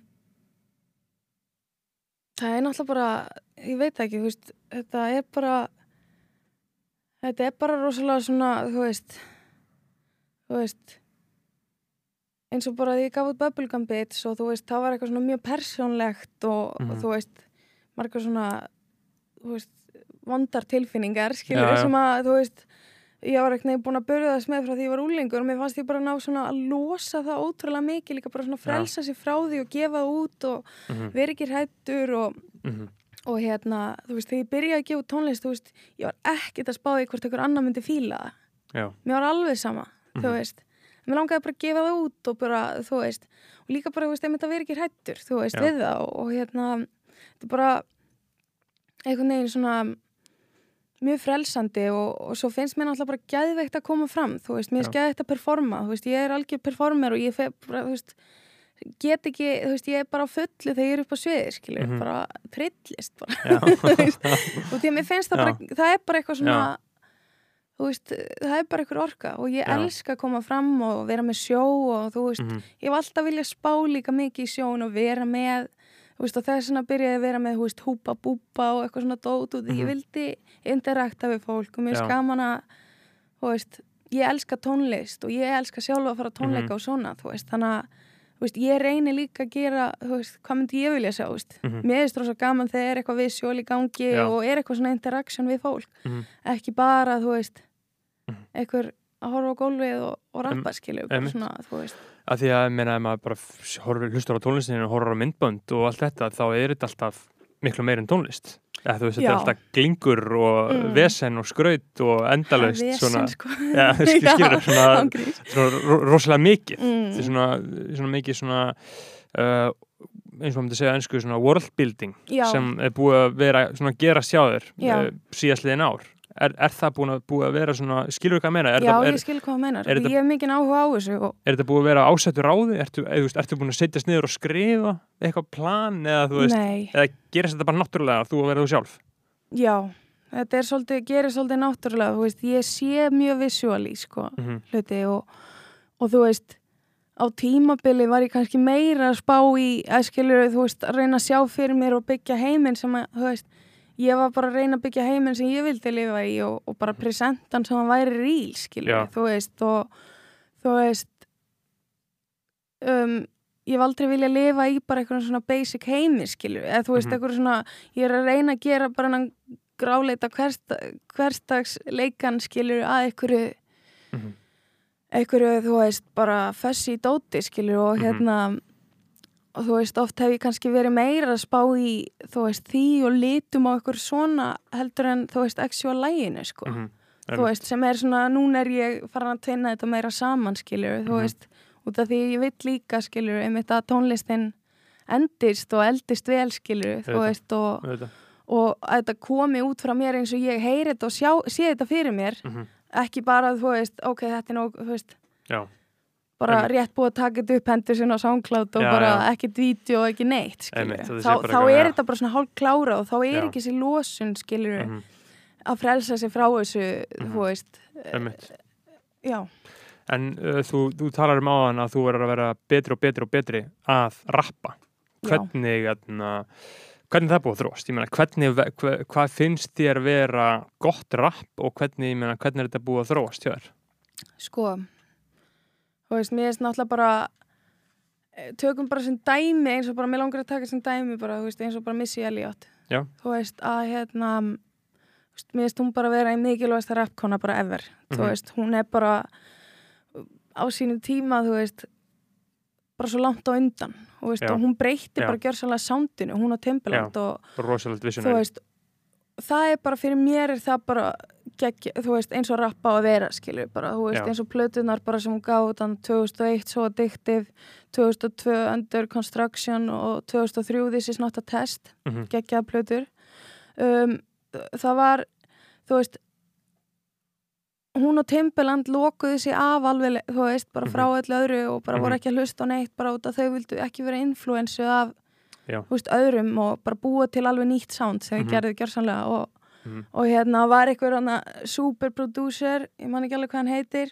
en hann sagði bara, þú veist, það var bara eins og þau hefði farið út í game og, og búið til bara eitthvað future sound og Mhm. komið tilbaka, þú veist, Einmitt, bara next level. bara eitthvað dót sem er dragað út úr líkánum heilanum ég veit ekki hvað hann kemur. Og þú veist, þetta er bara þú veist, ég hef líka alltaf vilja ok, mér, þú veist, ég er alltaf til að vera inspired, skilur, af ykkur Mhm. og, og hérna og er inspired af, þú veist bæði tónlistamönnum, erlendum og innlendum og líka bara umhverfinu mínu, þú veist Mhm. en ég myndi aldrei persónulega taka bara eitthvað lag, bara ég ætla að gera svona lag Mhm. út því að það ekki skilur þú það, það eru verstu lögin sko. það eru vestulegin og Já. það er svo mikið að því núna og það heyrist svo vel það heyri svo vel, þú veist með flowið þú veist með sama texta já, skilur bara, Mhm. þú veist, maður er bara Bó Haldós bara all, all over again það, þú veist, maður bara í rappinu what the fuck sko. ekki málið, sko. Já, það heyrist svo vel þegar, mann, þegar maður sé bara að hugsa um hefur maður að gera lag eins og þetta lag? Algjörlega, algjörlega. Mm það er ekki eins og verið að reyna að fjalla sko. Nei, en þannig að, já, Missy Elliot uh, hefur, hún er, finnst þér það er svona þín helsta bara nummer eitt, ever? Nei, ekkert eitthvað en hún er bara þar á toppnum samt, þú veist, Já. ég er ég er með, þú veist þetta er breyt, þú veist, ég er alltaf bara að fæ svona æði fyrir ykkur og bara Já. hlusta og hlusta það og Geggjað. svo bara fer ég í næsta og, og ég hlusta mikið á þú veist, stelpur í rappi þú Mhm. veist, erlendar aðalega mm og hérna, þú veist hlustaði náttúrulega mikið á Nicki Minaj -hmm. hún var algjört einspo og bara Já. dýrka hana Hvernig finnst hún að, hvernig var svona uppáhalds tímabilið með henni? sko, ég elska Nicki bara í öllum feature lögum Já, aðalega sko þú Mhm. veist og náttúrulega þú veist Pink Print mér finnst Queen platan hennar líka Já. sem kom út 2018 Mhm. og hérna en bara þegar Nicky er að feature á einhverjum lögum þú veist, Mhm. þá er hún bara slátra gaurunum já, þú veist, hún er bara með bars, bars, bars og bara Mhm. illa flow þú veist, Mhm. geggja wordplay Mhm. og það er bara þú veist, það er bara klikka að hlusta á hana, þú veist, maður er bara wow, þú veist svo náttúrulega, veist var hún rosalega lengi bara kannski svona eini fókusnum af konunum skilu, þú veist, Missy var alltaf að gera eitthvað en, en þú veist, svona í þessu nýja dóti og, já. og svo kom þú veist, þegar Cardi B kom mm og hérna þú veist, þá var ég bara Bodak Yellow þegar það kom ég var bara, shit, sko. Já, og ég var að horfa hann að Love and Hip Hop skilur og Já. hún var alveg fucking crazy já, maður. þú vissi hver hún var áður það var fucking fyndið sko. Já, en hérna og hún gaf náttúrulega búin að gefa út þarna einhverja Gangsta Bitch Music volume 1 og 2 þarna einhverja eitthvað mixtape. Mhm. Já. svo gaf hún Bodak Yellow og svo kom út Inv Invasion of Privacy. Einmitt, og risastórt. klikkuplata mm og hérna og líka bara svona þú veist, hún er einhvern veginn svona Nicky er aðeins eldri en ég, Cardi er bara held ég jafngamil og ég eitthvað Já, svo leis og hérna og þú veist, líka, ho- ég hugsa oft til þess bara eitthvað, ok, bara því ég er á Íslandi skiljur, þú veist ég meina, það er mjög relevant skiljur, þú veist, að vera á þessum aldri í rappi út í heimi, mm skiljur þú veist, Já. maður á ekki eitthvað að vera að hugsa bara eitthvað, nei, herru, nú þarf ég bara að fara að -hmm. slúta þessu, skilur, þú veist, Mhm, einmitt. þetta er bara allavega, ertu búin að heyra nýja upp? uh, Cardi, já, já. finnst þér ekki gegja jú, heldur gott sko. Var, mér fannst það svo catchy, ég Já. var bara, oh my god, bara, það er magna hvernig hún, eh, hvernig tekst að gera þetta aftur og aftur og aftur já, sko. já og það mér fannst svona, þú veist, mér fannst WAP ekki alveg nei, vera kannski mest catchy lagið, nei, nei, en hérna náttúrulega Megan Thee Stallion, ég elska hana líka. Já, hún er hún með er bara frábær. rosalegt flow, sko og hún er mögnuð bara svona Já. hip- hip-hop í sálinni já, sko. Ma mamma var rappari Já. og bara Mjög frá cool. Houston og Mhm. bara, þú veist, algjörlega búin að stúdur þetta í, grjótörð, og bú, búin að rappa í 15 Mhm. ár frá hún var bara Algjörlega. 7 ára áður en að meika það en sko. hún er líka bara eina af þessum stelpum sem er að semja sjálf þú veist, Já, Cardi B er ekkert að semja sitt Nei. sjálf, sko nei, nei, að, þú veist, ég er ekki að segja hún sem ekki neitt En hún en, er, en hún er með ghostwriter Já. sem eru gaurar og þú veist, Mhm. það heyrist oft já, en hérna, það tekur ekkit frá henni samt, nei, þú veist, en bara Megan er bara já, hún er algjör, hún er algjör hrátt hip-hop, sko. já. Já. og síðan eru, ég, er ég með tvær sem að Mhm. ég er, þær komu báðar hana í, sem sagt, ég vissi samt hverjar, þær voru áður en þær komu hann í lokin á WAP-vídeónu Já, það er sérst Mularo og Mhm. Suki Hanna ok, þær eru alveg bara þær eru lit sko, Mhm. Mularo var um þetta að gefa út lag hérna með featuring Gucci Mane mhm, og var ekki út plötu sem heitir Queen of the South Já. hún er, þú veist hún er að fara að vera big sko Já. alveg huge, hún er bara einmitt, working beast sko og síðan Suki Hanna, hún er þú veist, er algjör G líka mhm.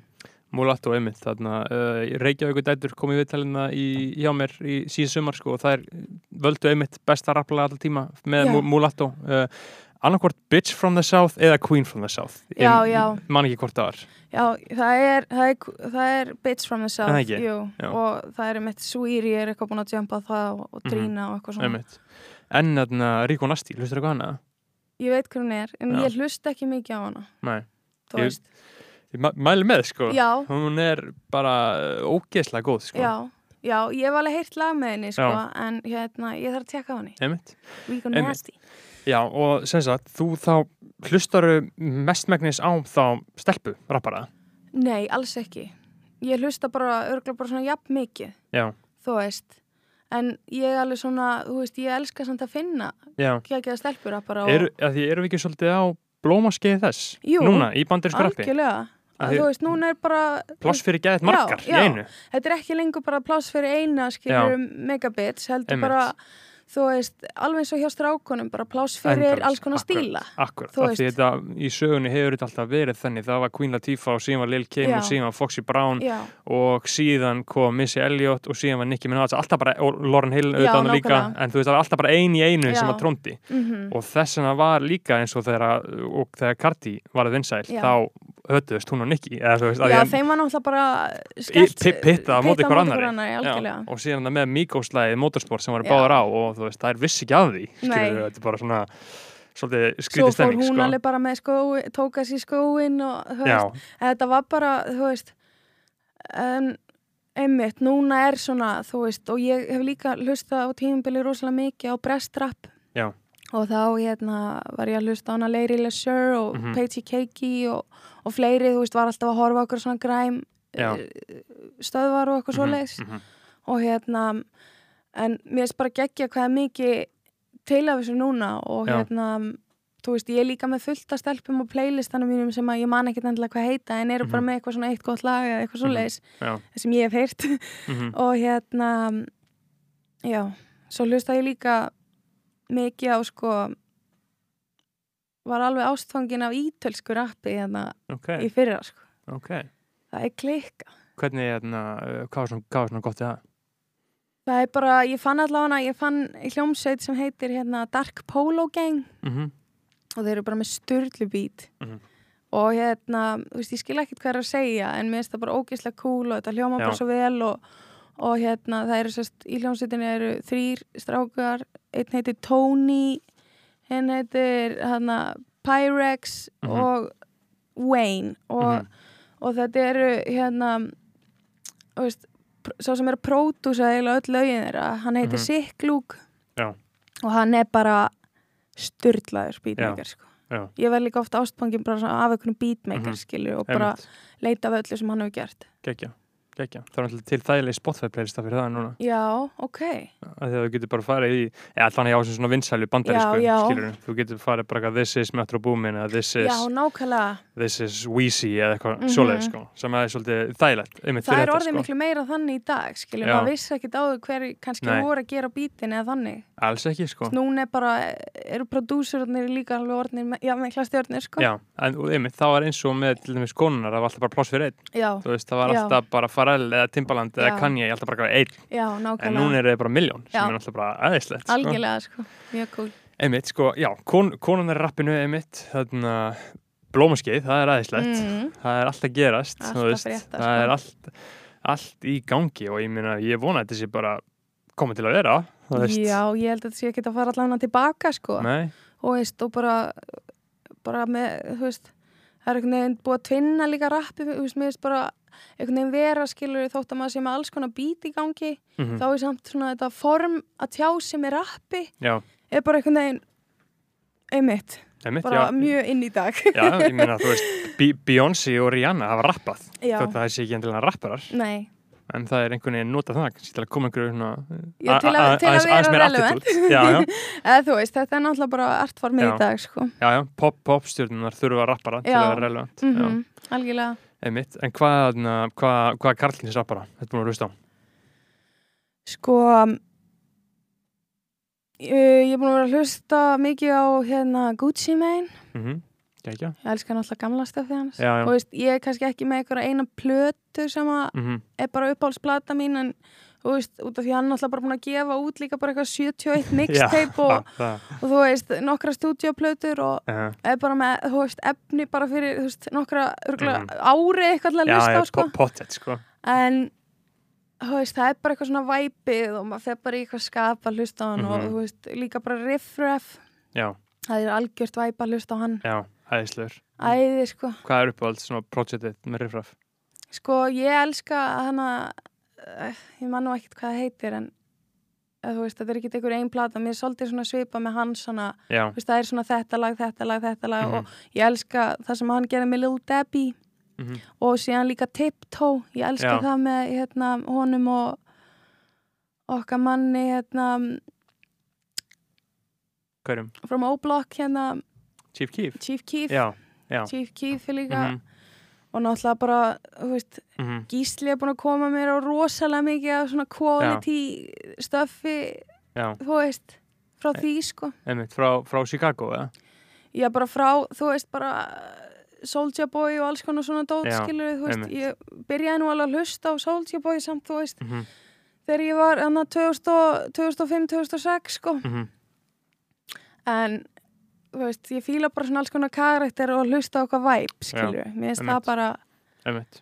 það er alveg máli Einmitt, en sko sækistu í sko þegar þú ert að hlusta á eitthvað svona og, Mhm. og fá einblástur mm -hmm.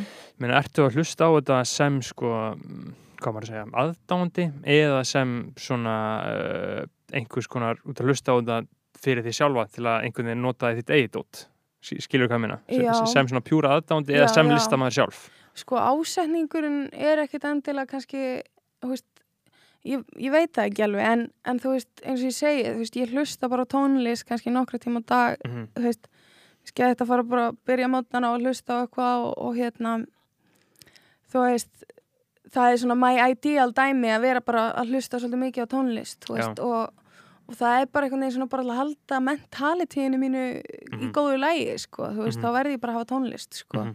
og það er líka bara, þú setur maður bara leggur línunar bara fyrir skapinu mínu og, og svoleiðis Mhm. og þú veist og bara ég leita aðalega af í tónlist, þú veist, það er bara góð melodi, þú veist, góð bassi skilur, Já, þú veist og einhverjum feeling, sko, Mhm. þú veist og ég er bara, þú veist, er bara með alltaf svona nokkur lög sem að bara ég hlusta bara á þau á hverjum degi, þú veist alltaf og Já. alltaf og síðan kemur hann að Discover Weekly einu í viku, þá hlusta ég á það Mhm. vonandi næði einhverjum einum, tveim lögum þann, Já. þú veist Já, að næs setja á listan og, Mhm. og svo hlusta ég bara svolítið mikið á það og svo fer ég aftur í svona gýr bara herri við leita nýri tónlist Mhm. en síðan stundum þegar ég er búin að hlusta náttúrulega rosalega mikið á tónlist þá er ég bara veist, hlusta ekki tónlist í fleiri daga sko. Já, einmitt. Það er bara að hlusta podcast sko. já, já, nákvæmlega, þá er ég bara í podcastunum Já, sko. já. og síðan þú veist eins og þegar ég kannski er samt mest, sem mest að semja þá er ég ekkert eitthvað endilega að reyna að hlusta mikið á tónlist Mhm. því að þú veist, maður vill alveg vera eins bæjaraður en maður Já. vill ekki vera copy-paste Einmitt, að þú heyrir eitthvað á ennsku og hugsa hm, hvernig getur sagt þetta á íslensku eitthvað svona Já, nei. Já, nei, vilt það ekki En, en aðna, þú hefur rappað svolítið svona á íslensku og ennsku já, blandaði einhvern veginn saman Mhm. uh, hvernig, meina, hvernig, hvernig hugsaðu það? Af hverju gerur það? um, ég var bara einhvern veginn, þú veist oft eru bara eitthvað svona hluti sem að er ekki til en íslensk orð yfir, þú veist Já. og þegar ég er að skrifa þá bara kemur, þú veist minnst oft líka bara, þú veist, maður getur rýmað líka og kannski rýmar ekki orðið Mm -hmm. en hljóðin rýma, skilju, hvernig þú lætur að hljóða, mm. Sánda og hérna, og ég tala líka bara mjög, veist, maður er náttúrulega bara að tala með miklu mennsku slöttum og, Mhm. og þú veist oft hef ég verið að skrifa eitthvað bara og þú veist, það kemur bara eitthvað ennst orð og ég kannski hef ekki vitað eins og hvað það þýðir og ég fletti upp og þetta var akkurat það sem ég var að Já. meina, þú veist Mhm. og hérna og ég eitthvað neginn, þú veist, ég held ég gæti aldrei gert bara, aldrei að segja aldrei eða þú veist, ég kannski myndi ekki geta gert bara eða vilja rappa heilt lag á ennsku en mér finnst mjög fínt að geta blanda þessu saman, þú Já. veist það var svona veist, ég var fengið eitthvað svona komment út að eins og, þú veist eins og það sé ekki málið eða eitthvað en, en hérna Hva, hver, hver getur ákveðið það? ég veit það ekki, einhverju, íslensku sérfræðingar, nei, Já. ég veit það ekki en hérna síðan hefur þetta samt bara komið sér vel eins og þegar ég var að spila úti þú veist, Já, já. Eða eitthvað svona, þú veist eins og þegar ég er að hlusta á ítalska rappið mhm. og ég heyri bara eitthvað svona stikkorð. Já, slettur. Þá er ég bara, þú veist, ég get hlusta á alla og skil ég ekki neitt, mm en ég veit bara að það er eitthvað fashion í gangi og það er Já, eitthvað, þú veist, trapp í gangi og það er eitthvað Mhm. svona, Mhm. þú veist, þá fæ ég svona hugmynd um hvað lagið er. Einmitt. Og ég held líka að það sé bara, þú veist Mhm. Já, tónlist er líka bara svona veist, ég er ekki lengur bara að hlusta á hérna bandaríska tónlist, þú veist, mér finnst eins og að sé heim, þú veist, fólk sé orðið opnara fyrir að hlusta á ekki bara ensku, þú Já, veist, já ég, Eitthvað svoleiðis. ég, ég samla, ég finn það sko. Já, En uh, þú talaði að, aðeins áðan um brest-rapp. Mhm. Hvernig, hérna, hvað er það að hlusta þar? Og finnur um mikinn svona uh, mun, ég meina brest, brest-rapp sérstaklega hefur náttúrulega rosalega uh, verið vinsalara og vinsalara með hverju árum, svolítið samhliða íslenska rappinu. Já, einhvern veginn svona sama bylgja upp með mhm.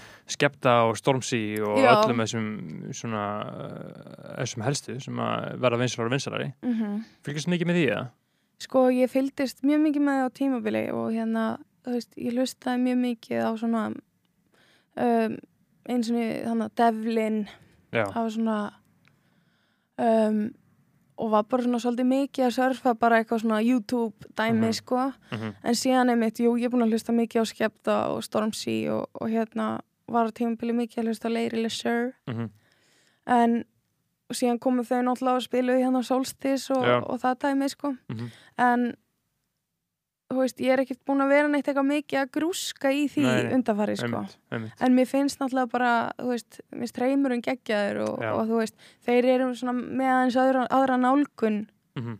þú veist, það er að- aðeins annu bít og það er meira svona, Anna sleng og já, já, anna kultúr en mér finnst það geggja skemmtilegt, sko, ég, en ég þyrfti bara aðeins að fara að grúska í því hvað Sko, er að frétta núna. Ég mæli djúblega með uh, Hetty One og Jay Huss Ok, Þeir eru æðisleir sko. Ok, Sér- Sérstaklega, sérst, ég eiginlega bara báðir, ég elska það jafn mikið sko. Hvað segir það er heita? Hetty One og Jay Huss. Jay Huss er á nýjustu skeptaplutinni og skepta hafi fullt, gert fullt af lögum með, svona, með Hetty One sko. Ok, þeir eru svolítið, þeir eru mjög mjög ferskir, svona svona nýtt sound Já. og ný, bara einhvern veginn a- annað svona cadence í flóinu Mhm, en þetta mhm. bandariska algjörlega, Þú veist, það þetta er það sem er svo gaman, Já. Þetta er bara eins og að heyra einhvern, þú veist, rapp á sænsku eða Já, eitthvað. já, Þú veist, þetta er er aðeins öðru sko. Já, en, þarna, en íslenska rappið þú veist, hefur alltaf fylst vel með samlega hvað er að koma út og hlusta á allt og þú veist uh, fíla eitthvað að eitthvað sem þú fílar ekki eins og Já, já. töluðum á hann, skilur við en já.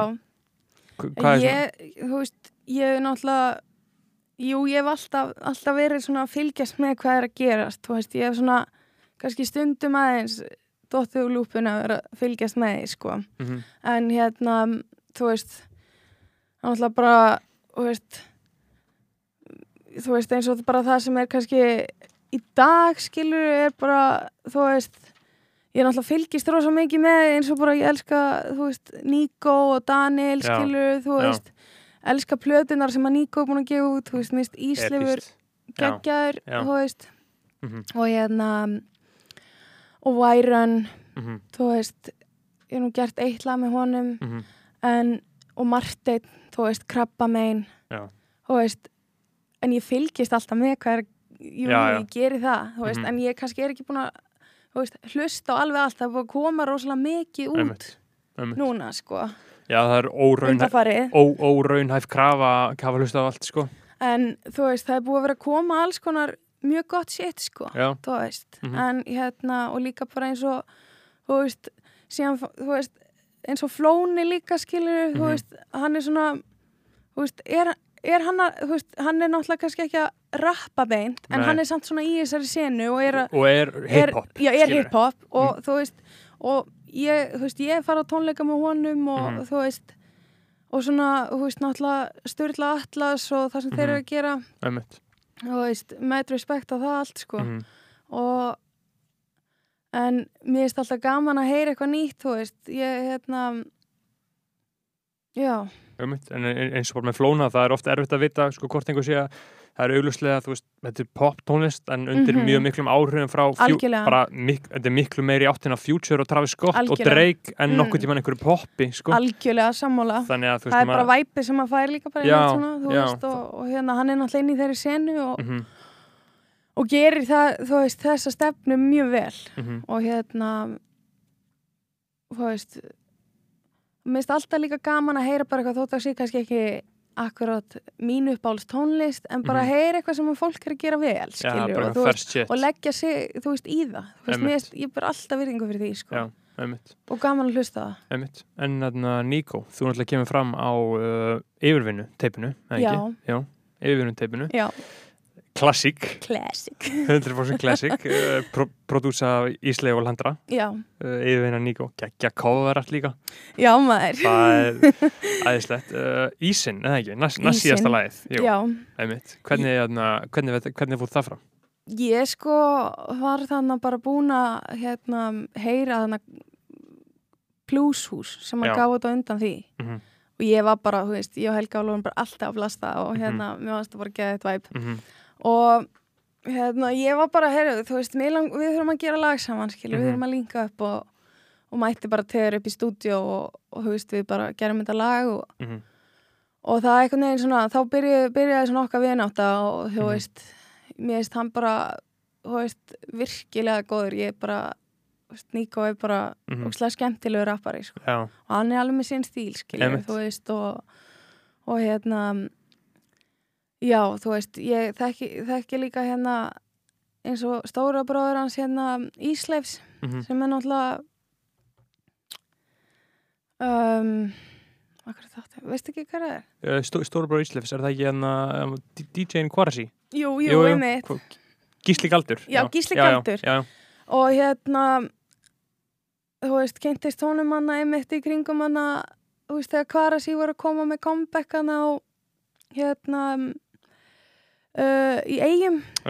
Og fór ég með þeim þangað og hérna og þú veist, það er náttúrulega annað íslensk geðið sko, en, en var svona samt svolítið á undan þú veist, það er svona eldra skilur náttúrulega þess að þeir voru að gera. Mm -hmm. en hérna já, þannig að gaman líka að kynast Ísleifi sko, mér Mhm. veist alveg, ég og Ísleifur erum alveg búin að hittast oft upp í stúdíu og við erum alveg með nokkur, nokkur lög sko sem að eru svona hálf kláruð sko þannig að mér langar líka aðeins að ég elska bítum frá honum sko, Mm -hmm.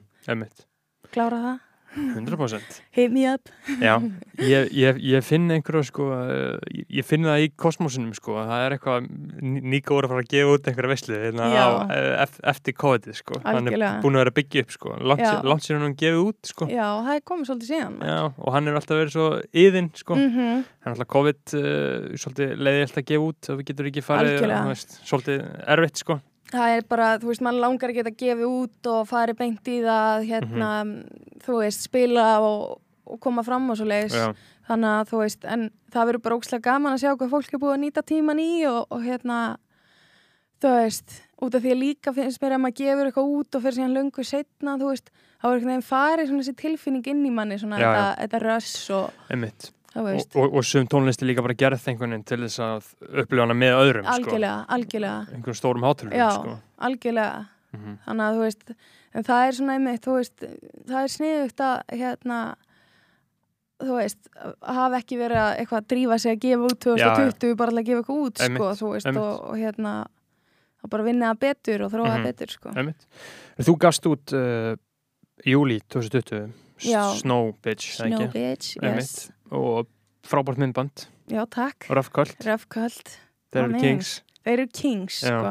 Þeir gerðu líka hann að lægi sem að vídeo við lægi sem ég og Daði Derry Cool gerðum, hann að klakanir mm og þú veist, það var bara svona í fyrsta skipt sem ég var að vinna einhverju vít eða þú veist sem var svona, þú veist, production og það var bara geðveikt gaman og, Mhm. og hérna Bryngeir og, og Baldvin eru bara alveg Mhm. bara klikkaður í þessu og núna er náttúrulega Berglaug komin í þetta líka og, -hmm. og hérna Gabbi Bach Já, og hérna ég og Gabbi erum einmitt með svolítið skemmtlegt projekt í, í hérna í opninum og Pétur einmitt Gekja, ha, hann gerir náttúrulega líka lægið, hann hefur gert myndband fyrir áður, eða ekki? Sem var úr, úr, Sims leiknum, jú, ekki? jú, hann gerir það, jú, Já. það var featuring Cyber hann að Já, það var alveg, það var mjög skemmtlegt þú veist, Já. það var bara eitthvað svona klikkað það hefur orðið að veruleika og, og hann og Jóhanna, þú veist, voru bara spila Sims og hakka Sims bara í fleiri, fleiri tíma, sko, það var ógslag gaman, sko. Það er magnað Mhm. að kunna eitthvað svona shit Já, sko, veist það geðveikt. Ég, er ég var alveg til í að kunna þetta, sko. Alvöru galdrar Já, nákvæmlega. Þú veist, bara eitthvað bullshit. Já, já, algjörlega. það er þú getur ekkert útskýrt þetta fyrir Nei, mér, skilur. nei þú veist, þú þarf bara, þetta er alveg rosalegt, sko. En já, Röfkvöld, það eru epic myndbönd. gerðu líka Mm. fyrir hlustundur gerðu uh, Píla, Píla með Joey og Binna. Mm uh, um sumar, í sumar líka. Frábært, sko, bara sko. svona virkilega fest shit, sko, Mjög, sko. Rosalega, Og alveg sko. líka bara, þú veist, að taka þetta lengra Mhm. Skrifinu lengra. Þú veist, það var svona vídeo sem gerði það. Mm -hmm. Og hérna Þú veist, einmitt, bara Líka bara geði þetta að vinna með þeim. Þeir, veist, þeir eru bara með hugmyndir út á bóksinu og, Mhm. og hérna Og kunna framkvæma það, og það lag uh, producerað Glacier Mafia. Já, uh, Snowbits, já. og hérna var, var það eitthvað öðruvísi ferli en vanlega þú veist, hver, hver er munur á þessu og einhver öðru, er þetta betur mixað eða þú veist Já, þetta er, þetta er töluvert betur mixað og masterað og hérna líka bara, þú veist, þarna var ég koma svona svolítið inn með, þú veist, alvöru rap, mm þú veist, bara G-tanks, bara hérna, bara spitta, Mhm. Já. skilur, þú veist, og, og þetta er alveg solid, þetta er solid viðlag, þetta er solid, þú veist, solid spitt, þannig að, þú veist, þetta var svona svolítið að breyta stefninu fyrir mér, skilur, já, það var svona svolítið, já, þú kannski farið aðeins svona hefðbundnara rap, já, já, þú veist, eh, já, ég myndi segja það, þú veist, þetta er, þetta er rap. bara se- 16 bars og Já, hook já, já. já, Ég var aldrei að spá í því áður, skilur, en Nei. þú veist, núna er ég búin að vera, þú veist, mér er líka bara gaman að prófa það, þú veist, að Já. gera bara alveg artformi og bara, Mhm.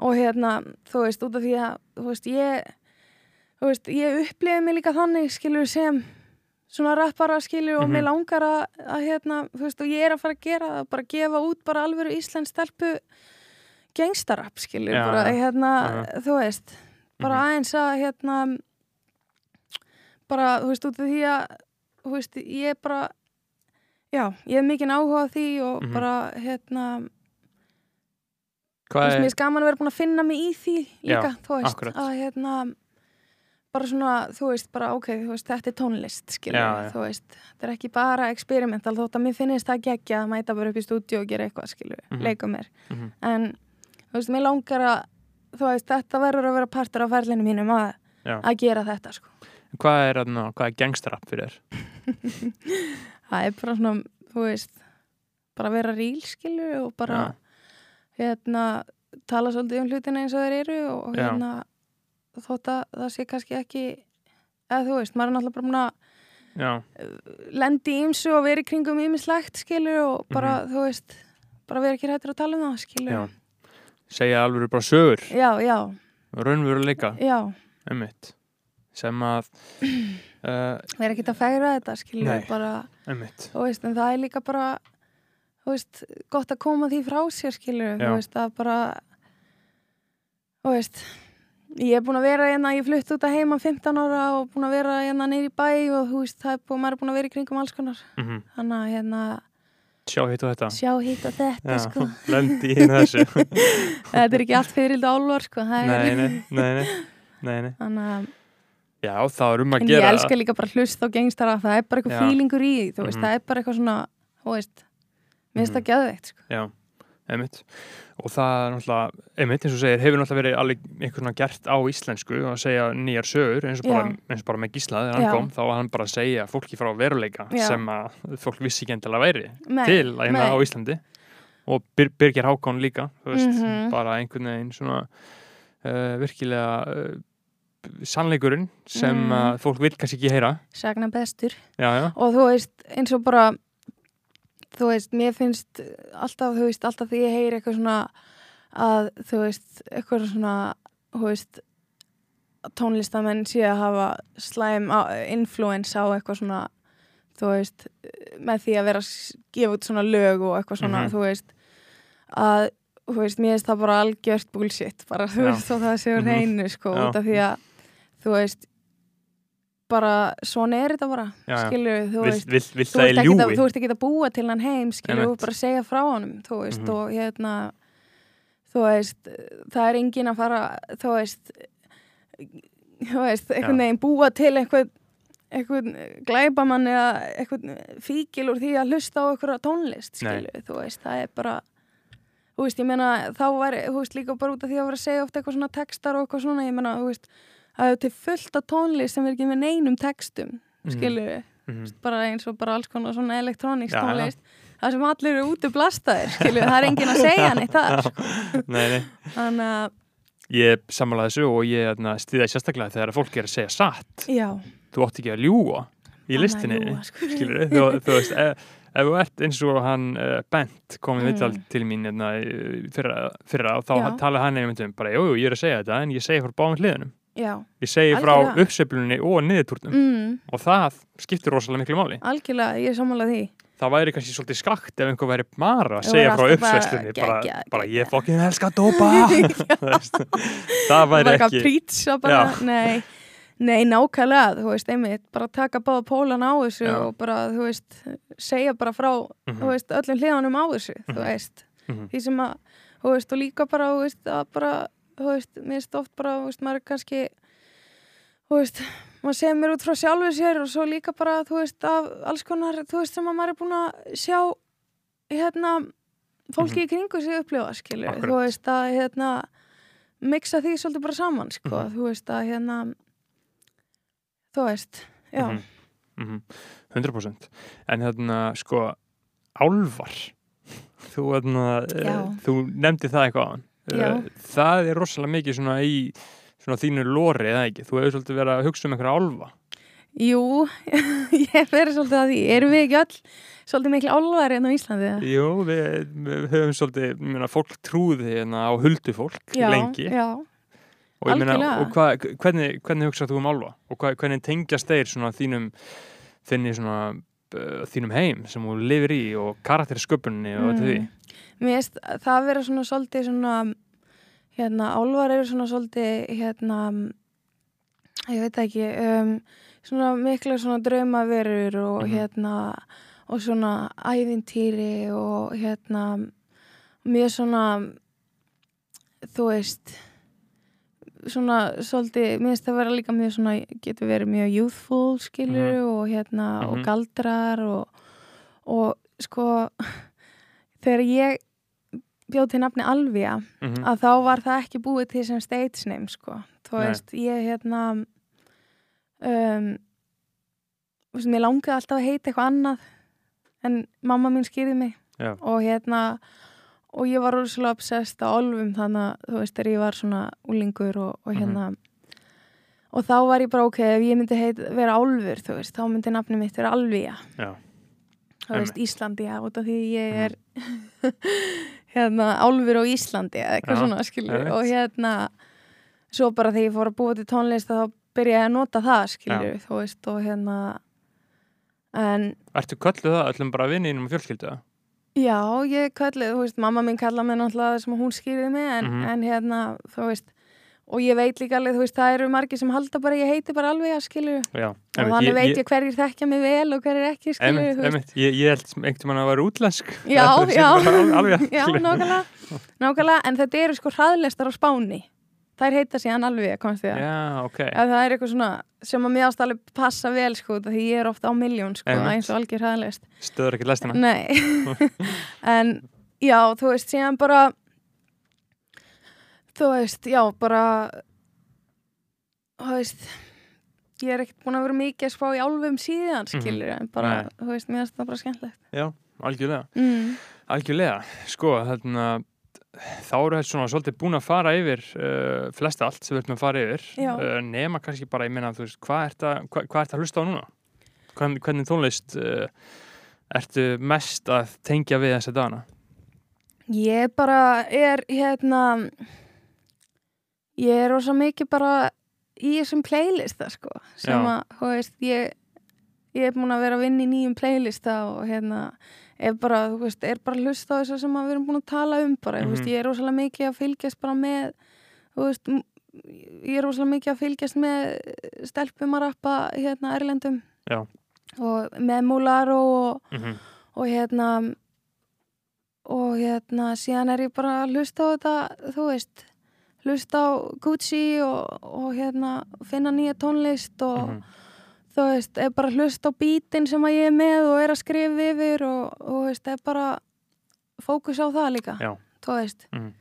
Svona hlusta á sko ótrúlega mikið að tónlist 2020 Já. bara, þú veist þannig að ég er svona, er aðeins í því núna, ég kannski er ekki að hlusta allan daginn á tónlist þú veist, ég er Mhm. bara svona svolítið að reyna að hlusta tónlistinni inn, inn í haustum á mér sko. Já, einmitt, einmitt, frábært já, maður frábært og þarna uh, en, en, en Björk, já, þú elskar hana ekki? jú, ég geri það Hvernig, þarna, hvað er uppáhalds þarna, hvernig hefur hún þjónað þér í gegnum æfina? hún hefur gefið mér bara inspiration að, þú veist, bara að vera ég og, og hérna, þú veist trúa á bara, þú veist mig og bara það sem Mhm. ég, þú veist, sé fyrir mér og, Mm -hmm. og líka bara, þú veist, að þú veist, vera bara, þú veist, worldwide global súpestjarnar, Já. skilur, þú veist, kona frá Íslandi bara, Paldi, það er náttúrulega bara Já. mesta inspirationið, sko. 360 sem búinu Já, þegar hún meikaði voru við 200 eða eitthvað já, nákvæmlega. Og mér veist bara, þú veist, ég bara, hún er bara, þú veist, ekki, ég get ekki sett hann inn eina tónlistastefnu. Nei. Þú veist, og það er svolítið líka, þú veist, bara einmitt að, þú veist, bara hún bara búin að búa til sína stefnu og Mhm. hérna, þú veist, og bara svona, veist, það er líka bara svona mjög stægilegt að hugsa um það, bara, þú veist, að maður getur bara, þú veist, bara gera, skapa það sem að þú finnur, skilur, og bara, þú veist, hún er algjörlega búin að reyða brautina, þú veist, Mhm. fyrir, fyrir það finnst mér, sko, spurning. Bara klikka dæmi og þú veist, það verður alltaf, einn daginn langar mér að gera lag með henni, já, það Mhm. verður alltaf verið draumurinn, en, mm en bara, þú veist, já, ég veist, ég er náttúrulega búin að hlusta á hana bara frá því að ég var lillene, sko, já. það veist, og bara mikið spilu á heimilinu mínu og svona, Mhm. þannig að, hvað er uppáhalds blataði með henni? um, ég veit það ekki alveg, sko, þú veist, ég er bara svona, er svolítið bara svona með alltaf bara eitthvað svona lög, já, þú veist, einmitt en, Og- en lag og þú veist, ég elska Venus as a boy og, Mhm. og hérna human behavior og, og hérna og síðan bara þú veist, ég man ekki alveg öll en bara, þú veist hún er bara búin að gera, þú veist, og Mhm. vídjón sem hún gerir og artworkið og allt Já. þetta þú veist, hún bara skapar alveg sinn heim þú veist, og bara tekur það á next level og, Mhm. og þú veist það er bara, þú veist, það sem ég langar líka að gera Mhm. nema bara, þú veist, ég er bara með allt annan heim en hún skilur og bara og þú veist, núna er maður svona svolítið með þú veist, the resources og þú veist, ég er með rétt fólk í kringum mig núna mm til að þetta sé allt möguleiki. Akkurat, þú veist, ég var það ekki áður og þú veist, en bara núna er bara rétti staðurinn og rétti tíminn skilur þannig að Mhm. þú veist 2021 að þú veist, þá er frá að koma good Mhm. shit frá alveg, sko, ekki, jú maður. Einmitt. Hvenær eru við talin bara í sumar eða fyrr eða? Ég er að fara bara að byrja að droppa núna bara, þú veist, ég er að klára klára eitt vídeo og, Mhm. og hérna er að byrja öðru og, og þetta Mhm. er alltaf að fara að koma bara svona núna fyrir sumarið og, og hérna hann að, þú veist, vonandi þú veist, einmitt að koma fram í sumar og, Mhm. og hérna mm já, já, það er bara bólöfn á leðinni og allt að gera. Tvö takk. Já, ég, ég trúi ekki öðru. En Nei, þarna, uh, sko, ég held þetta við séum það svolítið mikið bara búin að fara yfir allt Já. við það helsta, en þarna svona að lokum, þá þarna, ég ætla að senda þér þarna, leta heimaðinu uh, lag sem að við ætlum að spila einna í lok þáttar. Já. hið, hið fullkomna rapplag. Það var hérna, var það er, erfitt eða? Nei, nei, það var ekki derfitt, þú veist, það er náttúrulega bara mikið að velja, skilur, Mhm. en ég valdi þetta bara út af, þetta er bara, hérna, er bara, þú veist, með allt sem að rapplag þarf að hafa og Mhm. hérna, það heitir sem sagt, The Herbalizer, The Herbalizer The Blend, með blend? The Blend, The Herbalizer, The Blend. ok. Og af, af, af hverju valdur þetta? Herbalizer eða bara Um, ég valdi þetta bara út af því að hérna, þetta er með gegja beat. Mm þetta er hérna þetta er stelpa. Þetta er Mhm. klikka flow þetta er gott wordplay. Hún málar Mhm. alveg mynd með þessu. -hmm. þetta er, þetta er vel fyrir fyrir tvö sem þetta kom út. Já, og hérna já, bara, mér fannst þetta bara þú veist bara vera með Já. allt sem að gott rapplag þarf að hafa. Þarf að hafa. Já, Gekja, þannig að þá held ég að við bara setjum það í gang